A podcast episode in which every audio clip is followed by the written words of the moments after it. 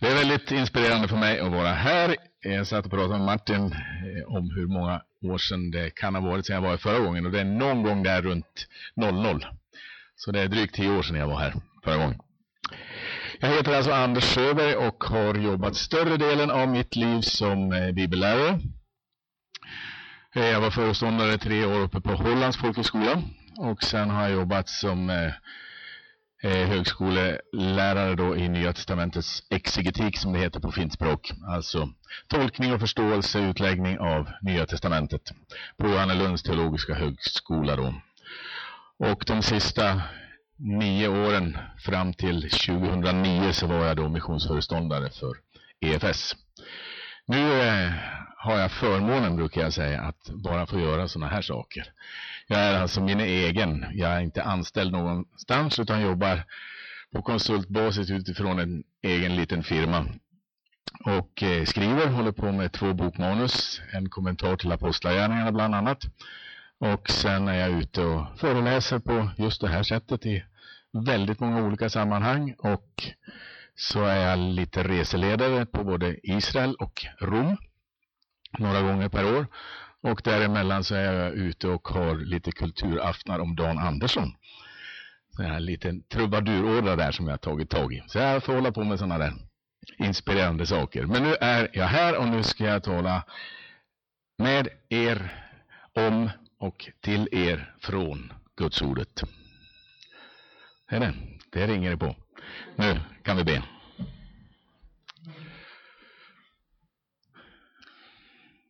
Jesus, vi tackar dig för Anders, att han är här. Tack att du har sänt honom hit, att du också vill använda honom idag. Jesus, vi ber dig att du fyller honom med din heliga Ande. Vi ber dig att du bär honom, att du omsluter honom, att du ger honom vishet och klarsyn och gör han känslig för din ledning och ditt tilltal. Vi lägger honom i dina händer och ber om ditt beskydd och din välsignelse. I Jesu namn. Amen. Amen.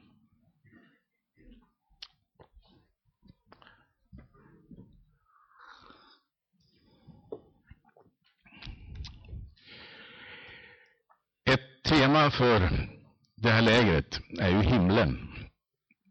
Och så har jag då fått eh, temat för den här förmiddagen. Ordet om himlen. Eller ordet från himlen om man så vill. Och eh, lite underrubriker sen. Är Bibeln Guds ord? Eller innehåller den Guds ord? Och vi kan ju svara på de där frågorna kort. Ur mitt perspektiv så får jag en kort fråga så säger jag ja på bägge. Är Bibeln Guds ord? Ja. Innehåller Bibeln Guds ord? Ja. Så då vet ni vad ni har mig i kort svarets form. Vi ska inte sluta bibelstudiet här alltså.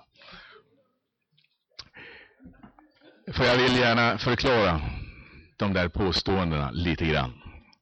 Det är nämligen så att svarar man bara kort så får man lätt intrycket att Bibeln bara är en bok. Men Bibeln är faktiskt ett helt bibliotek. Så ordet från himlen är uppenbarat till oss, för oss, genom att Gud har gett oss, genom sin ande, 66 olika böcker. Som är skrivna i olika genrer, som är tillkomna i olika historiska perioder, som har olika författare till stor del. Vissa böcker är ju skrivna av samma författare, men det är många författare som, som är på gång. Och då blir det snabbt så, när man läser Bibeln, så kan man snabbt konstatera, Gud säger inte allt i Bibeln. Det finns direkta utsagor av Gud, och då är det väldigt lätt att säga att det här är Guds ord. Men eh, djävulen talar ju också i Bibeln. Och eh, då måste man liksom formulera påståendet kanske lite annorlunda. Så jag brukar säga så här att Gud säger inte allt som står i Bibeln. Men Gud vill säga oss något genom allt som står i Bibeln.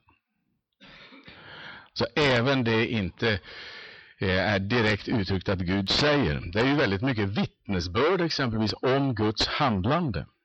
Sen är det också tillämpningar av, om vi tar grunduppenbarelsen i Bibeln, det är ju fem Moseböcker. På judisk mark så talar man om Torah, första delen av den hebreiska Bibeln.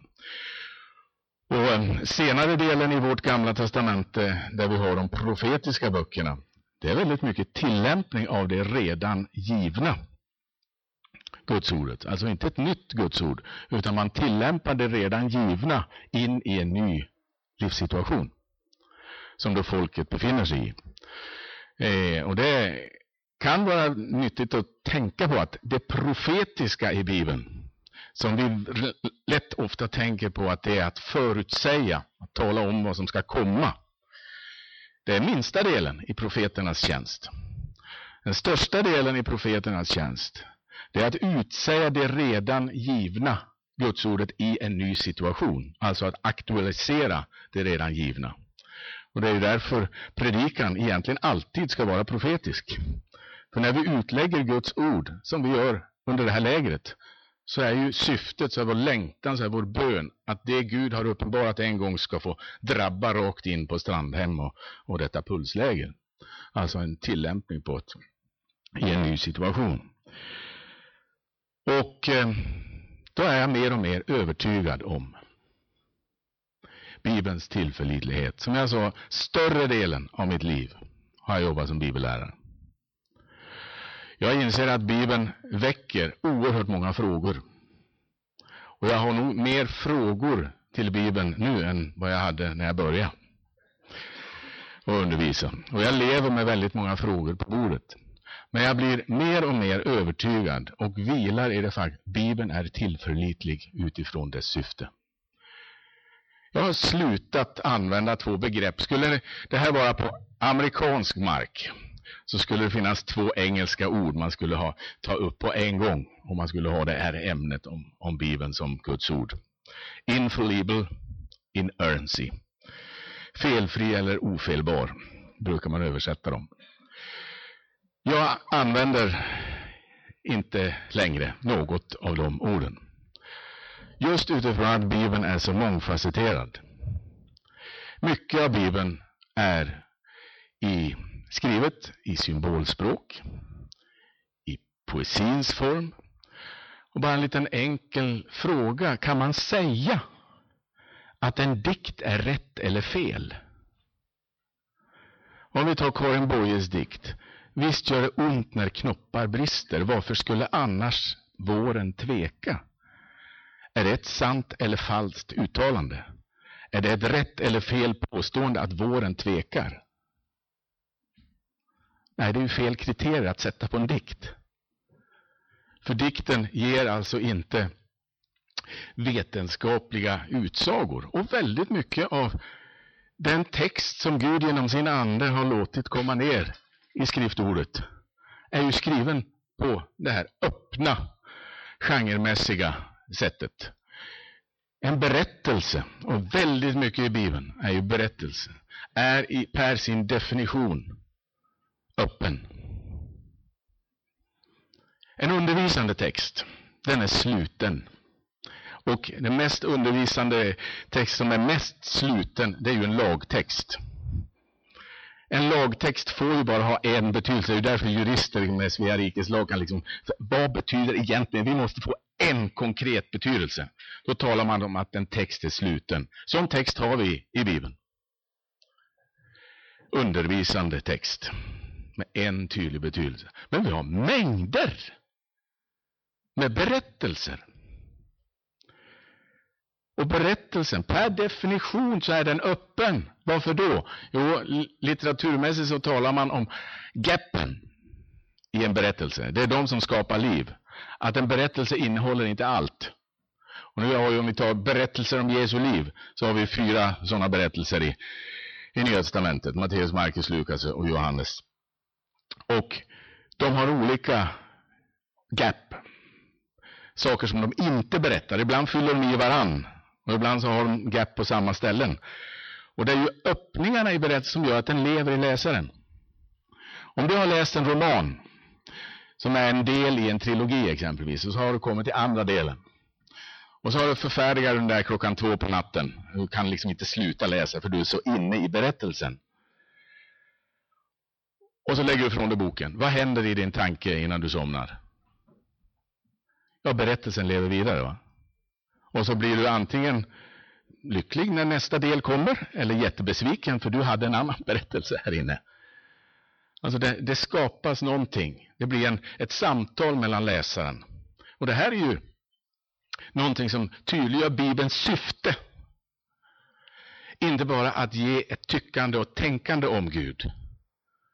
För Bibelns syfte är i grunden att Gud vill ha en relation till dig och mig. Och det är ju därför de här öppna texterna som skapar liv i oss, som är att vi flyttar in, de talar ju om detta. Att Gud vill inte bara att vi ska lära oss en dogmatik och kunna rabbla precis en sann lära om Gud. Det är viktigt, det är oerhört viktigt. Men till följd av att Gud är en tydlig person så handlar då att han talar, det är att han vill ha en relation, han vill ha kontakt. Sen blir ju läran mycket väsentlig för Gud är inte vem som helst. Om vi tar ett exempel. Vad berättelse är och att en berättelse är öppen i sin tillämpning. Det kommer en rik yngling till Jesus. Så frågan, vad ska jag göra för att få evigt liv? Jesus svarar, du känner buden? Ja, jag håller allihop, säger En sak fattas dig. Gå bort och sälj allt vad du äger och kom sedan och följ mig. Det är ett tydligt svar den rike ynglingen får på frågan vad ska jag göra för att få evigt liv? Slutsatsen av Jesus är gå bort och sälj allt vad du äger och kom och följ mig. Hur många av oss här inne har gjort detta?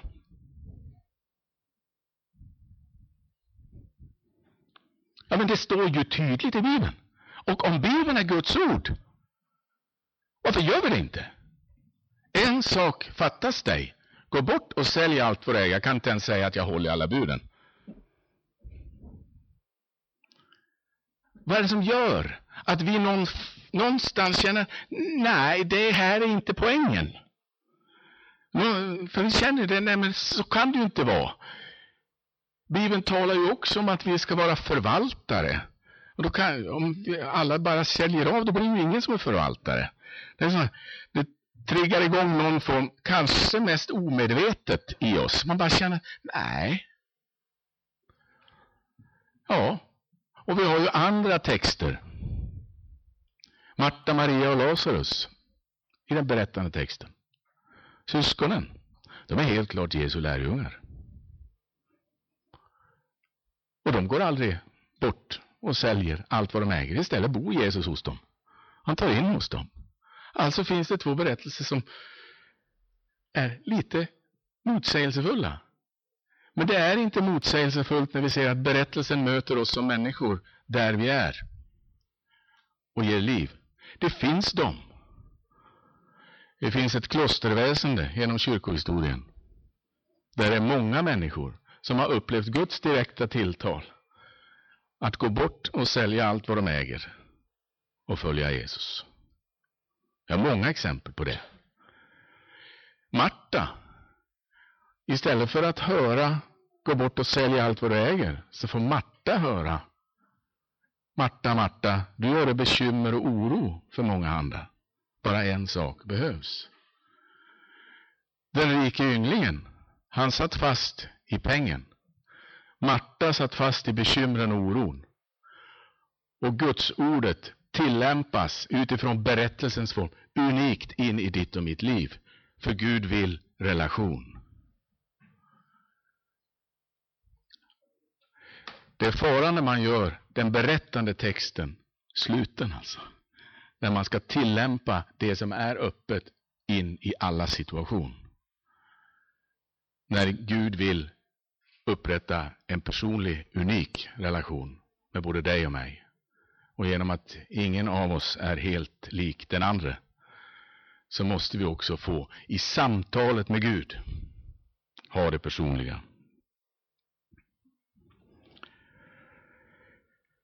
Så det, vi har alltså öppna och vi har slutna texter när Gud talar. Gud använder olika genrer. Men hela tiden så är det tillförlitligt. Det är ju det Lukas, när han börjar sin berättelse om Jesus, så är ju syftet att visa att det han berättar, det är tillförlitligt. Det håller utifrån syftet vartill det är givet. Teofilos ska få trygghet i tron.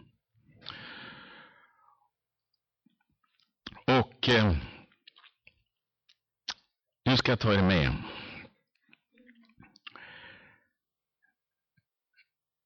Jag ska ta er med till Matteusevangeliet. Matteusevangeliet är 28 kapitel. Matteusevangeliet handlar om himlen. Väldigt tydligt. Matteusevangeliet är egentligen ordet om himlen. Matteus som är evangelist, han eh, använder väldigt sällan beteckningen Guds rike.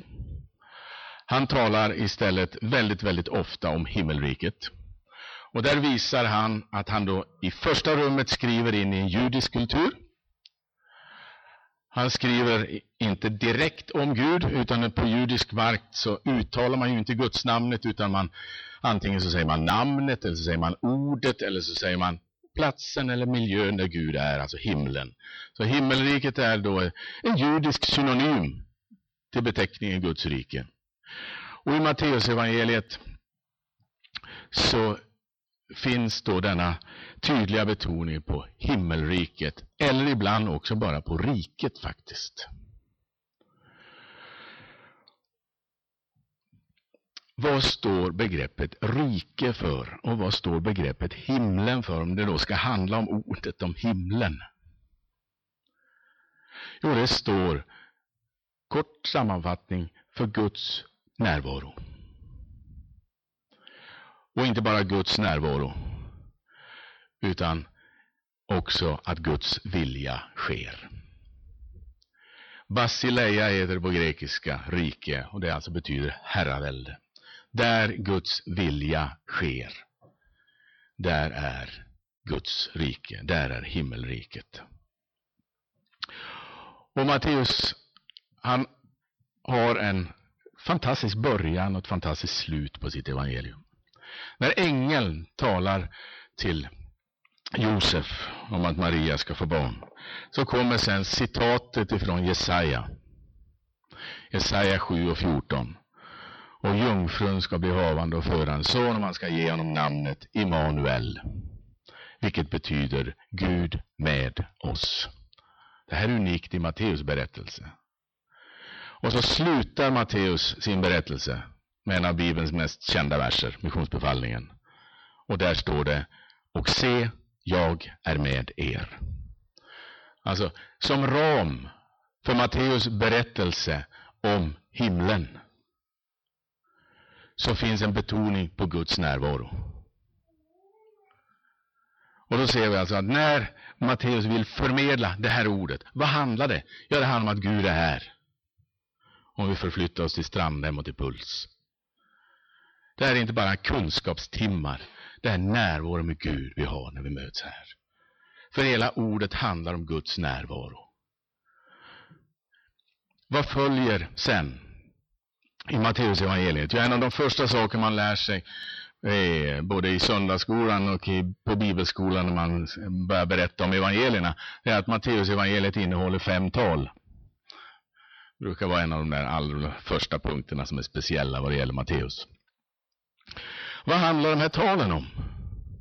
Ja, de, de står faktiskt lite grann som parallella. Det första, det vet ni vilket det är, Matteus 5, 6, 7, det är bergspredikan. Hur börjar bergspredikan? Ja, med åtta saligprisningar. Vad är den första saligprisningen? Saliga ni som är fattiga i anden. ty er hör himmelriket till. Alltså himmelriket i nuet. Saligprisningarna beskriver de lärjungar som, och den inställning lärjungarna ska ha för att få erfara Guds närvaro i nuet. Vad handlar det sista talet om? Matteus 24-25, där har ni det sista. Ja, där har ni en, några liknelser. Ni har en liknelse bland annat om de tio jungfrurna som väntar på brudgummen. Fem har olja så att det räcker. Fem har inte olja. Vad väntar man på? Att riket ska komma. När brudgummen kommer så kommer riket. Alltså, då blir Guds närvaro fullt synlig. Alltså, man kan uppleva Guds närvaro här i tiden. Och man kommer att få uppleva Guds närvaro eh, fullt ut i framtiden. Det är kontrast. Och sen är talen i stort sett lika långa, det första och det sista. Cirka 100 verser i bägge fallen. Och så kommer man till det andra och det fjärde. Och de är också ungefär lika långa. Vad är innehållet i dem? Ja, det andra talet, då sänder Jesus ut lärjungarna för att göra vad då? För att tala evangelium om riket. Alltså, det är det vi kallar att förmedla, ordet om riket, ordet om Guds närvaro nu och Guds kommande närvaro då. Det är det lärjungarna ska predika. Och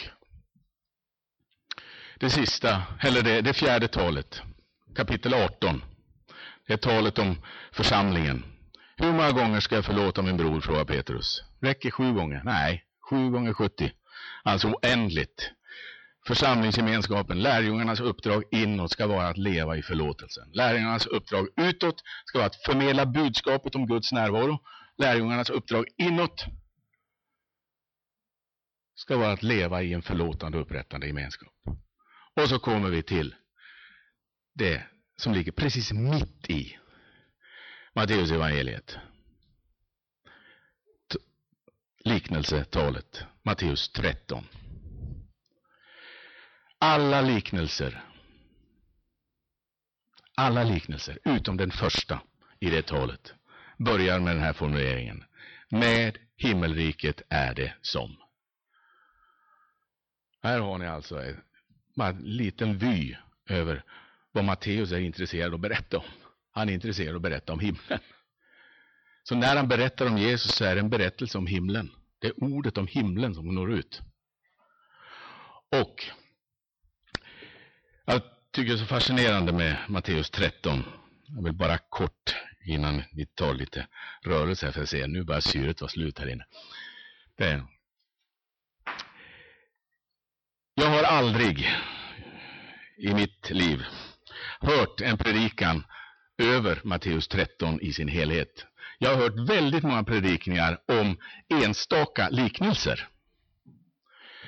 Men det är faktiskt så att Matteus, han är jätteintresserad av sånt som har med antal att göra. Det går väldigt lätt att se. Han har ordnat Jesus släkttavla i 3 gånger 14 led. Han har fem tal som Jesus håller. När han berättar om Jesu underverk så gör han det i tre plus tre plus tre, i tre grupper med tre underverk i varje. Så det är helt tydligt att han vill hjälpa läsaren. På den tiden fanns det ju inte en massa tryckta biblar, utan man skulle memorera allting. Och det här gör alltså Matteus väldigt smart, genom att ge en mängd antal så här som man lätt kan komma ihåg. Och när då han fyller sitt trettonde kapitel med sju liknelser, varav tre har uttydning, så kan man ju börja fundera, man kanske vill säga någonting med det här. Om man vill säga någonting med alla antal, ja då borde han kanske vilja säga någonting här också. Och sju är ju fullkomlighetens tal i Bibeln. Tre är Guds tal. Alltså har vi i Matteus 13, tror jag, ett budskap om, eller om vi så vill, från Gud genom att tre uttydningar. Alltså här får vi Guds utläggning av hur fullkomligheten kommer in i världen.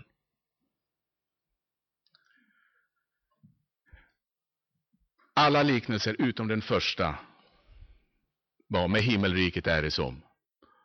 Om himmelriket då är ramen, Guds närvaro. Gud med oss, jag med er. och så riket. Himmelriket är nuet, himmelriket är framtiden. Församlingens uppdrag att förvalta Guds riket. Varigenom förvaltar man Guds riket? Ja, det kommer i liknelsetalet. Den första liknelsen i Matteus 13, vad handlar den om? Jo, den handlar om ordet om riket. Ordet om riket. Och det är bilden av, brukar kallas fyrahanda sädesåken. Det är en bonde som är ute och sår. Och somt faller på vägkanten. Annat på stengrunden. Det tredje bland törn och tistel. Och något faller i den goda jorden. Vad är det som sås? Ja, det är ordet om riket. Alltså, ordet om riket, ordet om Guds närvaro som är det här. De är givet till oss på olika genrer och i olika historiska tider. Det kan tas emot på olika sätt. Det är liknelsens grundpoäng. Det första, sådden på vägkanten. Då kommer den onde och snappar bort det. Och det är det första jag vill säga. I den bibliska uppenbarelsen så finns det återkommande en betoning på att det finns en andlig kraft, djävulen och hans anhang, som vill hålla oss borta från den uppenbarelse som Gud har gett oss i denna bok på en mängd olika sätt och i en mängd olika historiska tider. I öppna och slutna texter. Som vill få oss att inte brottas med det, utan bara plocka bort det. Vi ser det i frestelseberättelsen när Jesus frestas av djävulen. Vi har den också i Matteus. I Matteus 13 så har vi skildringen av Jesu dop. Och så när Jesus går upp ur vattnet så öppnas himlen. Anden kommer ner som en duva, Faderns röst ljuder. Denne är min älskade son. Och sen förs Jesus av anden ut i öknen. Och så efter 40 dagar så står det lite komiskt, han blev omsider hungrig, står det. Det här lär vara sant alltså, att hungerkänslan försvinner när man fastar och sen kommer den tillbaka runt 40 dagar. Nej, det är Matteus 4. Frestelseberättelsen är Matteus 4. Ja. ja. Ja, just det. 3 och 4. Tack. Det är liknelserna i Matteus 13. Tack. Eh, och vad vi ser, det är alltså i Jesu frestelseberättelse. Efter dopet, när djävulen kommer, så är det första han säger. Om du är Guds son. Vad har Gud sagt? Bara några verser inne. Denne är min älskade son. Och så kommer djävulen och säger om du är Guds son, så bjud att dessa stenar blir bröd. Alltså djävulens grundfråga är att ifrågasätta det Gud har sagt. Och i Matteus 13 då, den första liknelsen, sådden vid vägkanten. Det är där det inte slår rot på något sätt, utan djävulen kan bara plocka bort det. Och här vill jag bara, innan vi nu tar rast, jag vill påminna er igen om de olika sätten vi kan fylla vårt liv och behålla Guds ordet i våra liv. Och du lägger Bibeln i din hand. Och du har fem fingrar. Och de kan påminna dig om att ordet ska du höra. Du ska läsa. Du ska studera. Du ska memorera. Och du ska meditera. Varje gång du lägger Bibeln i din hand så tänk, jag är kallad att höra detta ord. Jag är kallad att läsa detta ord. Jag är kallad att studera detta ord. Jag är kallad att memorera detta ord och jag kallar det att meditera över detta ord. Att få det inom sig för att det inte ska snappas bort. Och att i den processen leva med frågorna. Jag lovar att du kommer få brottas med väldigt många texter, men gör det, det håller. Våga lev i frågan. Var inte så snabb och sök svaret. Helst inte det där enkla svaret. Det är därför jag tycker det är så underbart att sjunga Dan Andersson.